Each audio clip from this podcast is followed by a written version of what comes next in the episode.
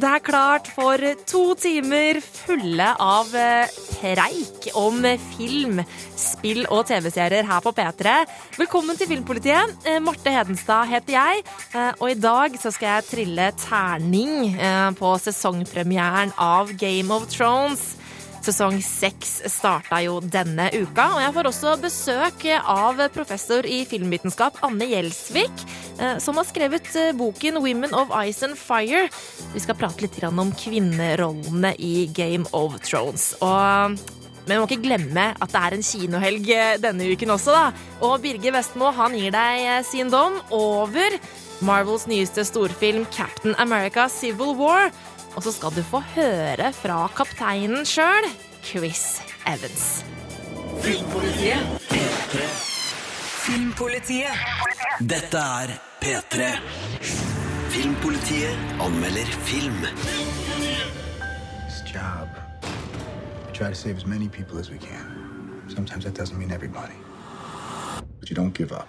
Captain America Civil War fortsetter Marvels svært vellykka miks av humor og tøff superheltaction med solid forankring i tegneserieuniverset. Forskjellen er at i denne filmen utløses spenninga av intern uro i Avengers. Captain America Civil War har så mange helter i seg at det i bunn og grunn er en Avengers-film. Den gjør ikke skam på sine forgjengere, sjøl om filmens svakhet er at altfor mange figurer skal med. Men den har òg en interessant historie historie om sorg, hevn og lojalitet som hever filmens kvalitet betraktelig. Captain, while a great many people see you as a hero, there are some who'd prefer the word vigilante. Flere hendelser med tap av liv gjør at Avengers blir bedt om å underskrive en traktat som legger dem under FNs kontroll. Noen av heltene er mot, andre er for. Fraksjonene ledes av henholdsvis Captain America, spilt av Chris Evans, og Iron Man, spilt av Robert Downey jr. Når Bucky Winter Soldier Barnes, spilt av Sebastian Stan, mistenkes for å stå bak et attentat, forsøker Captain America å redde sin gamle venn, noe som gjør at det brygger opp til kamp mellom Avengers-heltene. That's not the way I see it. Rent filmatisk er det her som et velolja maskineri som ikke ser ut til å kun gjøre noen store feil. Regissørene Anthony og Joe Russo, som òg laga den forrige Captain America-filmen, gjør en imponerende jobb med å veksle mellom action og dialog med god flyt, slik at ingen skal rekke å kjede seg. Det handlingsmetta manuset, skrevet av Christopher Marcus og Stephen McFeely, er tettpakka med konflikter og problemstillinger som vil engasjere og underholde Marvel-fansen. I'm sorry, Tony. Det er klart at den mest interessante delen av Captain America Civil War er kampen mellom tittelfiguren og Iron Man. Akkurat som i Batman vs. Superman er det store spørsmålet så banalt som hvem er egentlig sterkest? Jeg avslører ikke om vi får noe svar på det, men det resulterer i noen fabelaktige kampsekvenser med store ødeleggelser som har en udiskutabel underholdningsfaktor. Men utover det her gir konflikten og figurene mer kjøtt på beinet, i form av innblikk i deres motivasjoner, følelsesliv og tankegang. Captain America Civil War innfrir med god margin de aller fleste forventningene til Marvels filmunivers. Right. Terningkast fem. Dette er Filmpolitiet på P3. P3. Før låta så fikk du Birger Vestmo sin anmeldelse av Captain America Civil War. Eh, og Storbritannia-korrespondent Espen Aas han møtte hovedrolleinnehaver Chris Evans i London. Eh, og der fortalte altså Captain America sjøl at eh, det å spille inn enda en Captain America-film var nesten som å komme tilbake på skolen etter sommerferien. For femte gang sender Chris Evans i Captain Americas skikkelse stadig sitt skjold mot større og mindre fiender. Siden han debuterte i rollen i 2011, har det nesten blitt én film i året. Når NRK treffer Chris Evans til intervju før premieren i London, beskriver han innspillingene nærmest som komme tilbake på skolen etter endt ferie. Like, uh, you know, when you were a kid and you go off to summer and, and then you, you come back to your the, the next school it's very familiar. It's different but the same.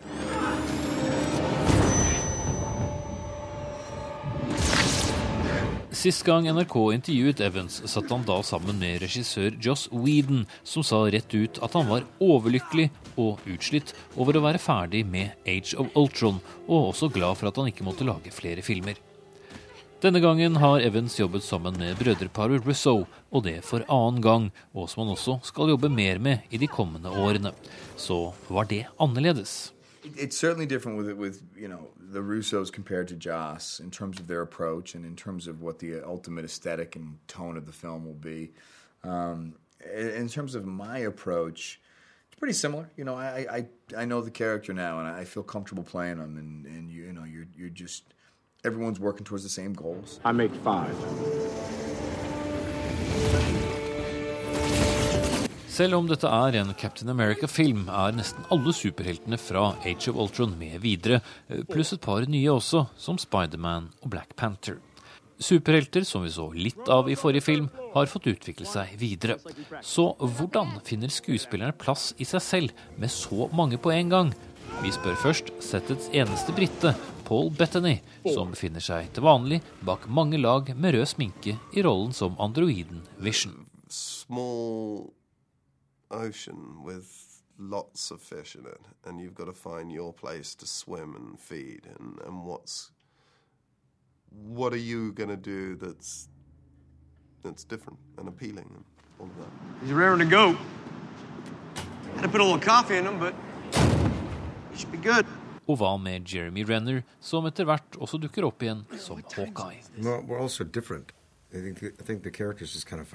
Way. Don't have to really do much. Yeah, you can't just play chess with a king and a queen. You know, you gotta play. You gotta have all the players there, and they all do their different parts, and they love. Det er eh, om lag to år igjen før neste film, Avengers Infinity War, blir å se på kino, mens det i mellomtiden dukker opp flere filmer og nye TV-episoder med andre Marvel-helter. Og vi skal kanskje ikke se helt bort fra at det kan forekomme et og annet kjent fjes herfra også. Sometimes I want to punch you in your perfect teeth. Dette er Filmpolitiet. Filmpolitiet På P3. Espen Aas tok også en prat med brødrene Anthony og Joe Russo, som har regi på Captain America Civil War. Og de sa sin mening om eh, hvorfor folk ennå ikke er lei av Marvel-universet på film.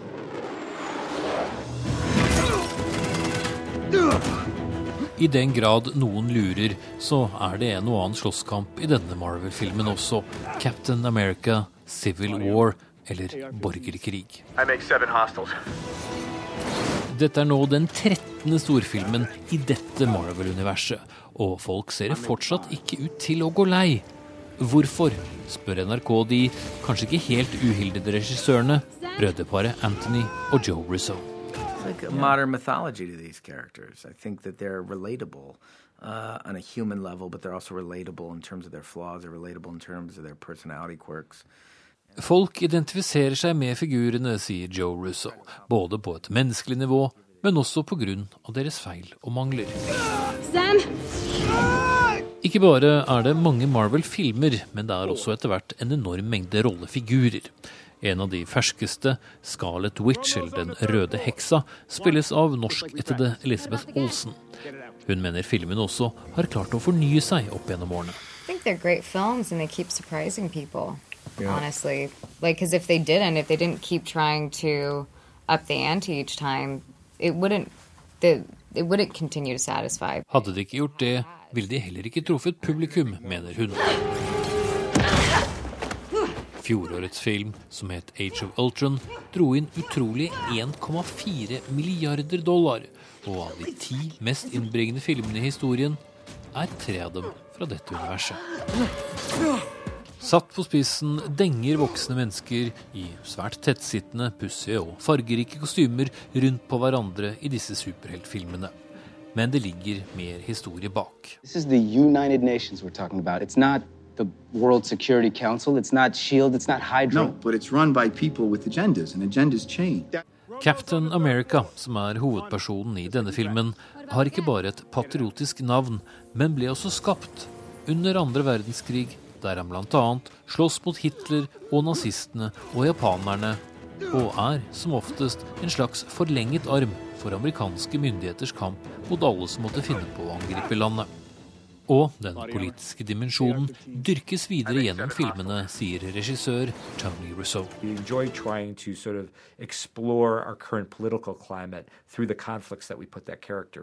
Um, so our, our. Um, Og med et Amerika som kan stå foran store politiske endringer, ja, så kan det vel være at Captain America får mer å gjøre også. Espen Aas, London. Dette er Filmpolitiet på P3. P3. Filmpolitiet anmelder TV-serie. På mandag så er det norgespremiere på komiserien Younger på TV2 Livsstil og Sumo. Og den serien her den er skapt, skapt av Darren Star, som tidligere har gitt oss eh, storserier som Melrose Place, Beverly Hills, 90210 og Sex and the City, så da vet du litt hvor landet ligger. Og Sutton Foster og Hilary Duff spiller hovedrollene, og vår egen Torbjørn Harr har en omfattende gjesterolle i sesong én. Sigurd Vik har sett de åtte første episodene. How is it that the older and more experienced you are, the less desirable you become? You are way too young for me. Whoa, 26, dude. I mean, we gotta be the same age, give or take. Mange vil nok kose seg godt med Younger på skjermen. Det her er kjent og kjær forviklingshumor med gjenkjennelige karakterer og problemstillinger. Det hele er servert i en ganske friksjonsfri produksjon med lune New York-kulisser og kjente fjes. Men serien om 40-åringen som utgir seg for å være 26 år, er altfor enkel til at det blir noe mer enn en midt på treet komiserie. Skuespillet preges av opplagte reaksjoner og litt forslitte ansiktsuttrykk, og det er dårlig med den der gode, fengende kjemien mellom hovedrollene i de innledende episodene. How pathetic is that? It's totes pathetic. Hashtag pathetic. Lisa Miller er 40 år. Nyskilt, har en datter på utveksling i India og sliter kraftig med å komme seg inn på jobbmarkedet etter 14 år med forstadsliv. Men da en gutt på byen tror at hun er 26 år, bestemmer hun seg for å lyge på alderen.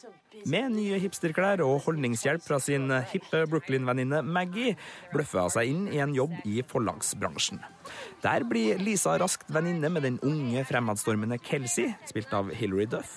Og hvis bare ingen avslører alderen hennes, så kan hun få en ny sjanse til både arbeidslivet, 20-åra og kjærligheten. Torbjørn Harr gjør en godkjent gjesterolle som den svenske forfatteren Anton Bjørnberg. Grei på klining, og aller best når han får lov til å stikke hull i forlagsbransjens desperate PR-stunt. We're only in our 20s once. I know. You're right. It's true. Well, you gotta live it. Salute. Bitches! Younger er en serie som mangler et lag på flere steder. Hovedrollen mangler emosjonell dybde. Spenninga dreier seg nesten utelukkende om hun blir avslørt som 40-åring eller ikke. Og serien klarer heller ikke å få fram den sårheten og nerven som ligger i tematikken rundt generasjonssjalusi og tapt ungdomstid. Det ligger mye uforløst komisk potensial i en verden der ungdommelighet er kapital. Men humoren her er ikke treffende og avkledende. Den er lun og tydelig, og stort sett ufarlig.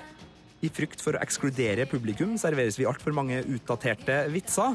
Hva betyr IRL og 'nei, du glemte hashtaggen' blir dessverre av den litt for enkle sorten. Terningkast tre. Ja ja, det var litt sånn middelmådig det der, men Younger har altså norgespremiere på TV2 Livsstil og TV2 Sumo på mandag 2. mai. Filmpolitiet På P3. Filmpolitiet anmelder TV-serie. We're the only ones who matter, and everything they've taken from us, we're going to take back and more. Det har aldri vært knytta like høye forventninger til en sesongpremiere av Game of Thrones som nå. Den femte sesongen av serien etterlot oss med et gigantisk spørsmål. Hva skjer med John Snow? Nå som TV-serien har tatt igjen bøkene til George R.R. Martin, er det kun forfatteren og serieskaperne som har hatt svaret før sesongstarten. Men om den første episoden gir oss noen avklaring på hvordan det går med den forrådte Lord Commander, vil jeg ikke avsløre. Men det jeg kan si, er at sesongpremieren ikke blåste meg av banen, men den bygger virkelig opp spenningen for hva som skal skje videre. Pga. den massive lekkasjen i forkant av forrige sesong har ikke pressen fått se en eneste episode før premieren i år. Men har måttet vente til sesongstart som alle andre.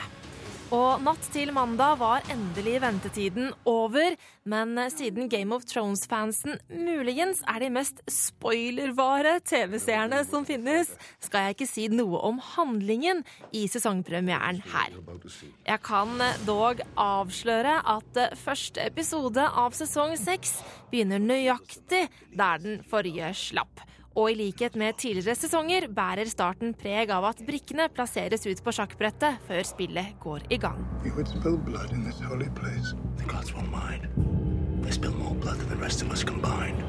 De fleste av de viktigste rollefigurene fra forrige sesong er representert, men siden episoden skal innom så mange, er det ikke så mye tid vi får med hver av dem. På tross av dette blir jeg umiddelbart oppslukt av serien igjen.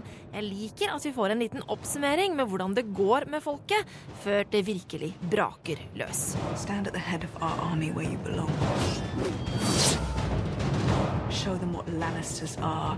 Sesongpremieren har flere gode scener som brakte frem både latter og tårer hos meg. Jeg ble rørt, og serien tok en overraskende vending for et par av rollefigurene.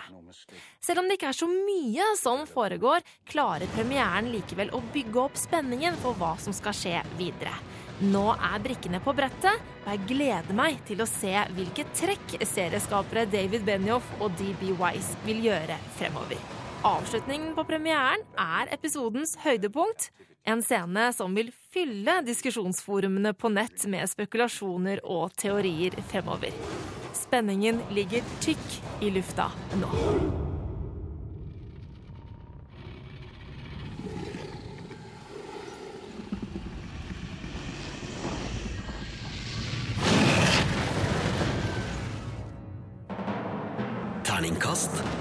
Fire.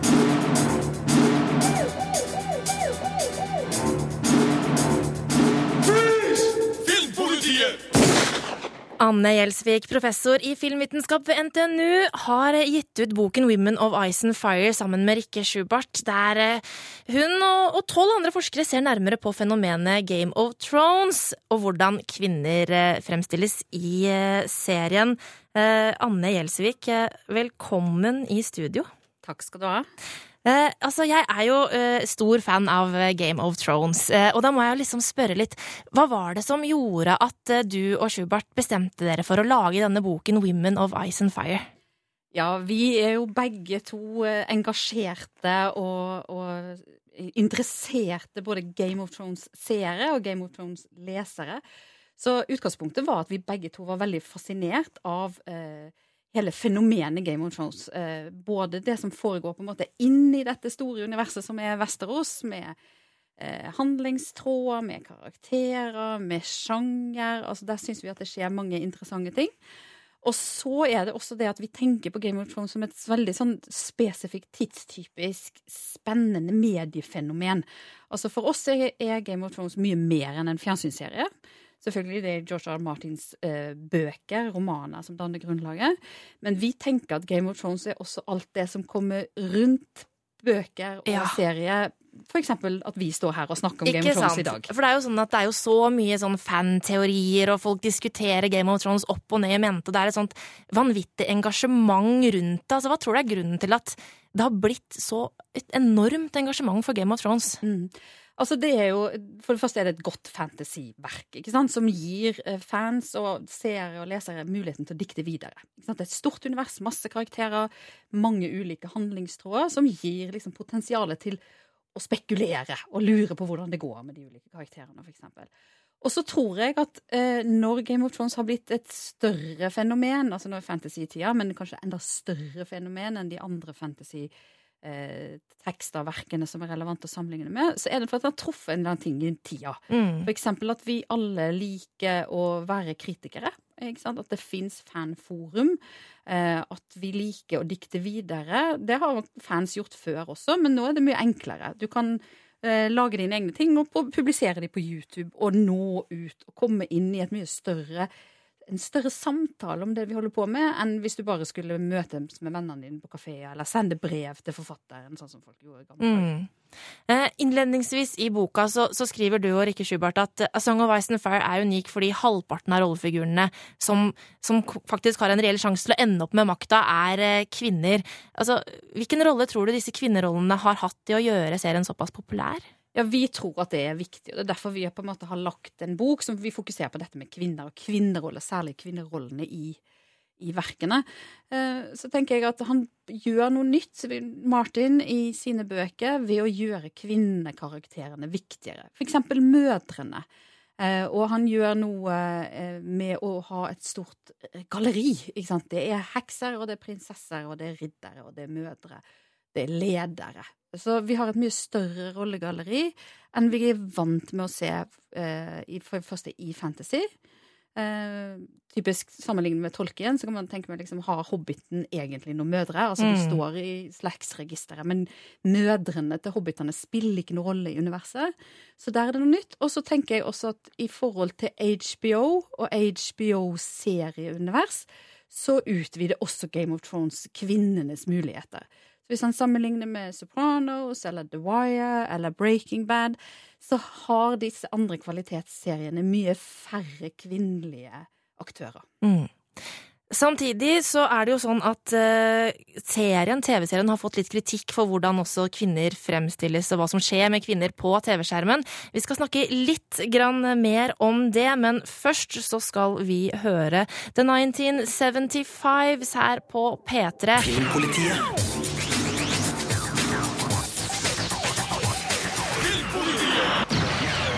Og jeg heter Marte og har besøk av Anne Gjelsvik, professor i filmvitenskap ved NTNU, som er her for å snakke om den nye boka Women of Ice and Fire.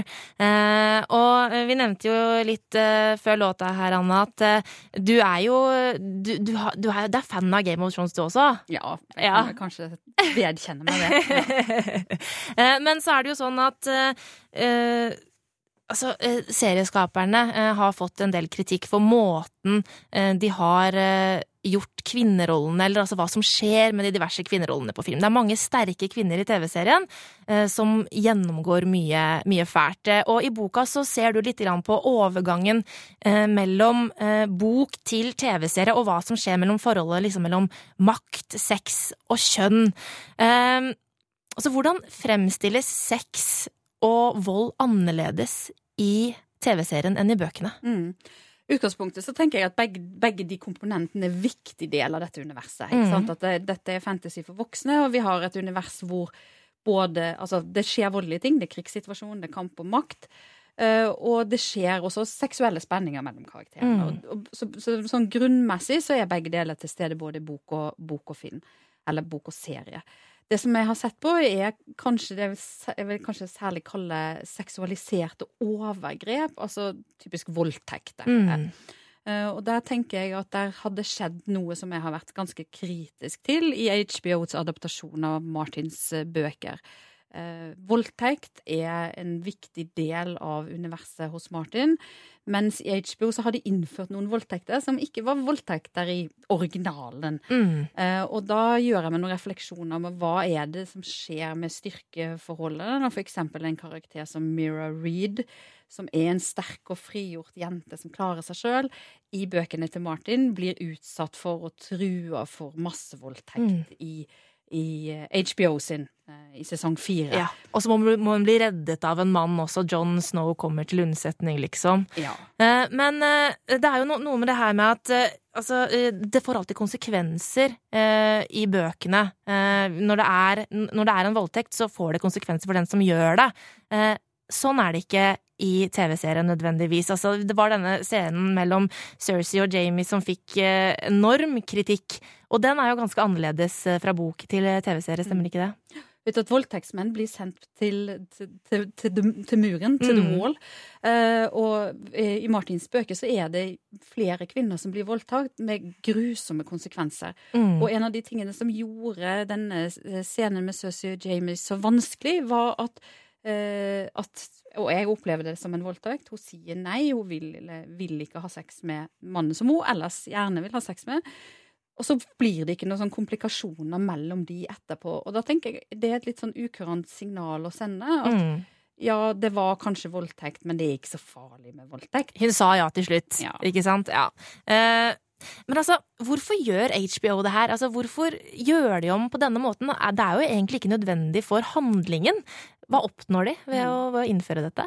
De oppnår jo at vi snakker om det, Mm. men jeg tenker også så, så jeg tror at det er Og det er også litt sånn forstyrrende for min, på, for min seing at jeg opplever at en del av de seksualiserte scenene blir veldig sånn insistering på Se, her er vi HBO, og nå utfordrer vi grensene dine litt. Og, og at jeg rett og slett drar meg litt ut av fiksjonsuniverset, istedenfor at jeg blir brakt til Vesterås, som de bruker masse energi på å gi meg opplevelsen av ellers, så blir jeg litt i overkant oppmerksom på at jeg ser en HBO-serie. Mm. Men det å bruke sex, vold, nakenhet gjør jo det til en snakkis. Og som vi var inne på innledningsvis, at fans snakker eller kritikere diskuterer serien på nettet, er god PR. Ja, det er jo god PR. Eh, og så må jeg bare spørre deg, Anne, siden jeg vet at du er engasjert i, i serien og bøkene, hvem tror du ender opp eh, på jerntroden til slutt, da? Ja, det er jo sånn at nesten man ikke tør å si det. Men eh, jeg tror i hvert fall at vi ikke har sett det siste til John Snow. eh, og jeg har vel mine teorier om eh, hvordan det skal gå til, men at han kommer til å spille en rolle helt til sist, det føler jeg meg ganske sikker på. Tusen takk for at du kom i studio, Anne Gjelsvik. Filmpolitiet På P3. Filmpolitiet anmelder spill. The name's Fox. Fox McCloud. Walker functionality engaged. I'm glad we're on the same team, Fox. Hurry, Star Fox!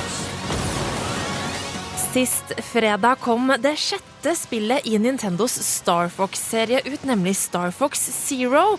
Eh, og det har du boltra deg med den siste uka, Rune Haakonsen. Velkommen i studio. Takk for det, Marte. Det har vært en utrolig spennende og Jeg har gleda meg mye, og det har vært veldig spennende fordi at dette er jo et spill som legenden selv, Shigeru Miyamoto, har stått eh, bak rattet på under Ja. utviklinga. Så at det var jo med en slags ærefrykt at jeg kunne, kunne starte opp et rendyrka Miyamoto-spill. Altså, jeg må innrømme det. Mm, ja, og det har jo vært en sånn etterlengta oppfølger, det her. Eh, Men det som er litt interessant, er jo at eh, dette her kan jo rett og slett bli det siste spillet som kommer til Wii U-konsollen. For eh, Nintendo har jo annonsert at de kommer med en ny konsoll i 2017. Mm. Det siste storspillet, i hvert fall. Ja, det siste storspillet. For at det, altså, Legend of Zelda, det nye spillet, har blitt utsatt til 2017, det også. Og da kan det jo igjen, ja. tyde på at eh, det kommer til den NX-konsollen. Så det blir interessant å se. Men uh, altså, hva, er det, hva er det vi kan da forvente fra dette storspillet som du nå har testa ut? Jo, altså Det er jo en oppfølger, en, eller hva skal vi si, en reimagining, som de selv sier, av Star Fox 64 og Star Fox-serien. Og, og, og, og- det kaster deg inn i et kjent univers. Eh, En liten vits der altså, siden vi er i verdensrommet. Men eh, hvor du, hvor du får styre skip rundt og skyte og, gjøre alle de tingene som du kjenner fra tidligere spill, med kjente figurer. Mm. Historien plukker også opp hva som skjedde sist, hvor faren til Star Fox himself er savnet. Og, og, og, men, men historien, Marte, den engasjerer spesielt Nei, ikke spesielt, må jeg si. Okay. I det hele tatt. For at det her er um, dessverre et spill som lener seg mer på, på gimmickene og, enn den faktiske historiefortellingen. Og jeg får veldig følelsen av å sitte og se på Disney XD eller, eller en annen barnetegneseriekanal når, når stemmeskuespillerne kaster seg inn, for det, det er ikke spesielt artig. Altså. Nei. Så, så historien fenger ikke så veldig. Men hva med, hva med altså selve gameplayet? Altså, du har jo denne gamepaden eh, som du kan bruke, og du sitter i cockpiten på et romskip. Altså, hvordan, hvordan fungerer det her? Det, det som er interessant, er at dette spillet er kanskje det første VU-spillet som virkelig utnytter gamepad-kontrolleren for det den er verdt. Samtidig så er det et lite paradoks at det funker ikke så bra. Eh, når du spiller, så kan du holde gamepad-kontrolleren foran deg og, og bruke da bevegelsessensorene til å styre eh, siktet, Samtidig som du bruker spakene til å styre romskipet omkring. Altså, du ser med andre ord ut i førstepersonsperspektiv på selve gamepad-kontrolleren, mens på TV-en bak så ser du omgivelsene. Og for å forstå og mestre og overvinne fiendene, så er det viktig at du ser på begge skjermene samtidig.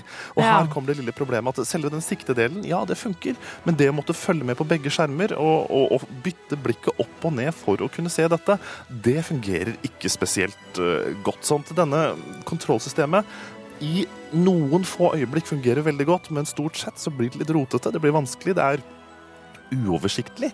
Eh, og det gjør nok at hele opplevelsen blir mindre tilgjengelig eh, enn for eh, det kunne blitt, sånn som jeg ser for meg. Og ikke minst så tenker jeg at dette er kanskje første steget på en god måte å bruke gamepad-kontrolleren, men som sagt, vi er kanskje allerede ved slutten eh, for Wii U-konsollen nå.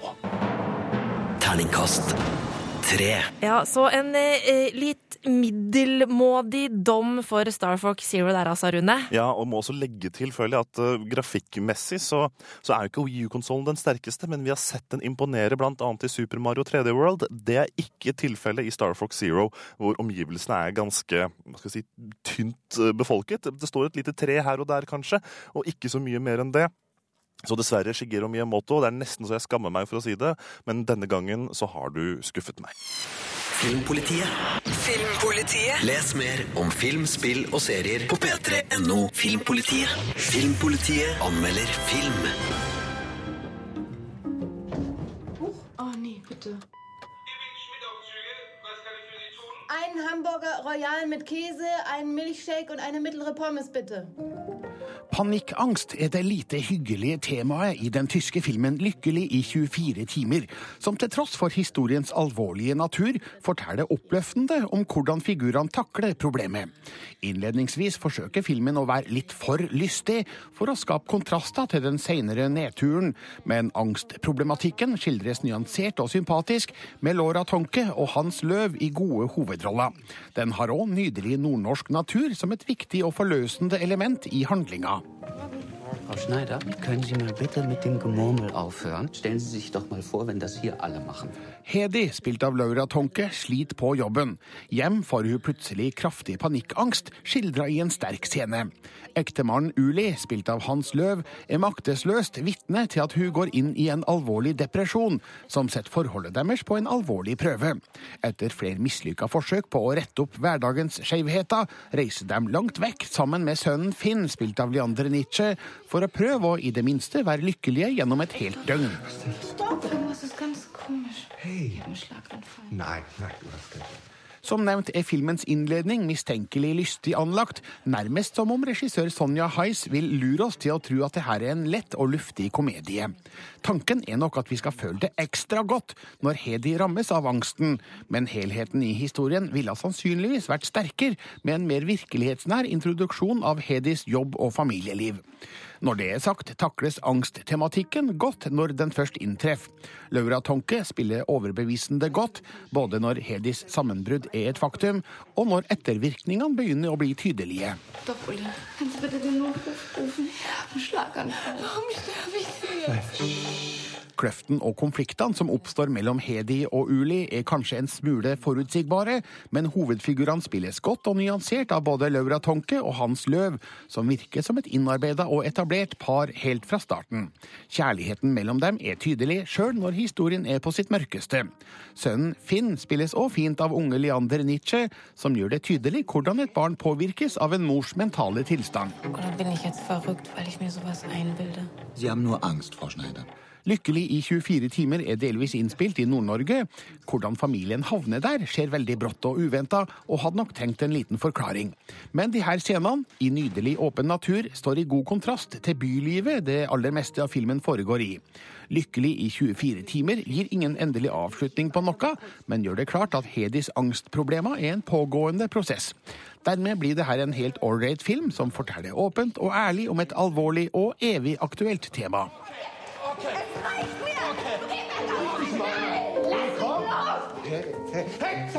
Terningkast fire. Og Lykkelig i 24 timer ble anmeldt av Birger Vestmo. Filmpolitiet. Does that sound good to you? På P3. Og det er Filmpolitiet du hører på, og her skal vi tilbake til premierefilmen Lykkelig i 24 timer, som handler om en kvinne som rammes av angst, men som forteller historien med både humor og romantikk. Eh, Birger Vestmo han har møtt regissør Sonja Heis eh, og hovedrolleinnehaver Laura Tonke, og spurte først regissøren om ideen bak filmen. The idea was was like um, to make a different film about that topic, not what you've always seen. And um, I'm convinced that you, if you do only these kind of terrible and sad films about that topic, you stigmatize people who suffer from it even more. And um, yeah, the idea to find another way to get closer to the uh, to the protagonists, uh, when you can laugh with them, you can also suffer with them. That you also identify. That was the idea of it. Yeah. Laura, what, what did you find fascinating about the Hedy character? everything and also but especially the mix of both so that i was finally able to show some hu humorous side of of myself into uh, into Hedy and and the other part of course to go really deep into this kind of serious topic also the love story I, I thought was really interesting. At that time i was already a mother and uh, to think about what disease or an illness can do with a family and h- how long can a family deal with that or not and i thought that was just a huge range of things to work on and to think about and that's interesting and yeah. How did you work together to develop Hedy as a character? Uh, first of all, she was there in the script, but uh, then she's not alive. You know, he's still, and um, for me, it was a it was a long process actually. At first, the casting process, which was quite long, and then yeah, we we found out uh, step by step. Um, how she will be acted by Laura. So we talked about her past, the past of the couple and the family, and we also rehearsed. We met um, psychologists talked to them a lot. They had a lot of stories somehow and that for me that was really helpful because they had such a funny approach also to the topic and not like oh this is very serious and very dramatic and da da da but but they were laughing about it all the time and they said we had we have a lot of fun doing our job. And and that was uh, that for me was very helpful Det sa Laura Tonke, som spiller hovedrollen i premierefilmen 'Lykkelig i 24 timer'. Du hørte også regissør Sonja Heis, og begge ble intervjuet av Birger Vestmo. Og anmeldelsen av filmen finner du på p3.no skråstrek filmpolitiet. Filmpolitiet.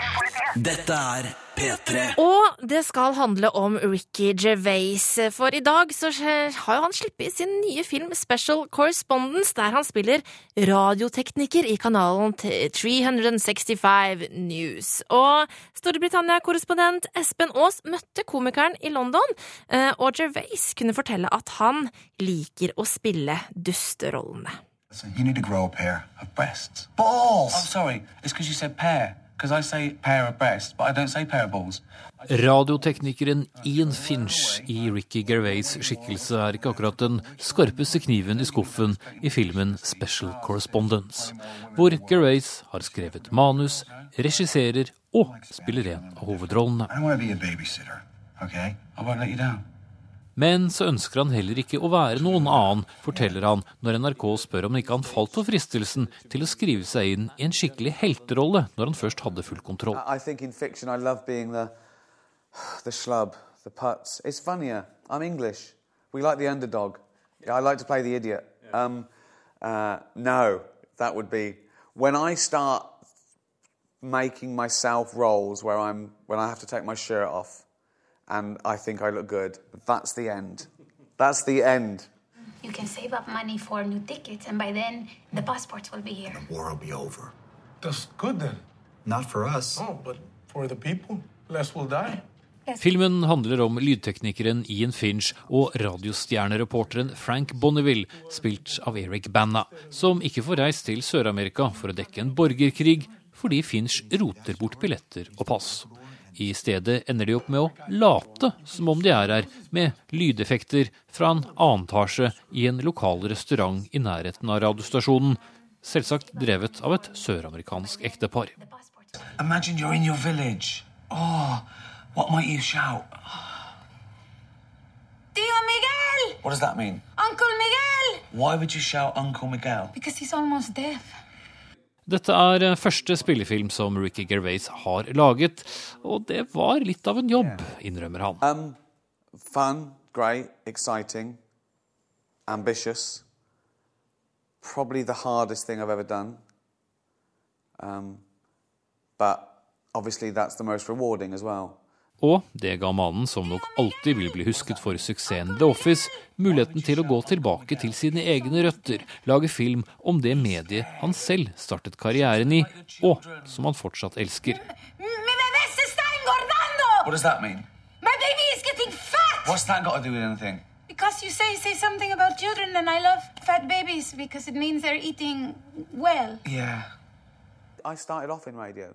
That's where my that was my break. I, I went and I started off in local radio in London, and everything came everything came from that. So uh, I've got a fondness for radio. I still love radio. I, lo- I love I love the fact that you can. I still listen to podcasts and I listen to radio every day. Og etter å ha blitt ferdig med alt dette slitet, så forteller Ricky Gervais ubeskjedent at ikke det ble så aller verst. The best an idea ever gets is in there, and then it's how little you can ruin it. And that's why I like to do everything. So I'm not saying I'm the best writer or director or actor in the world, but I know what way I want it done. So I'm the best person to do it my way. Filmpolitiet. Filmpolitiet. Les mer om film, spill og serier på p3.no Filmpolitiet.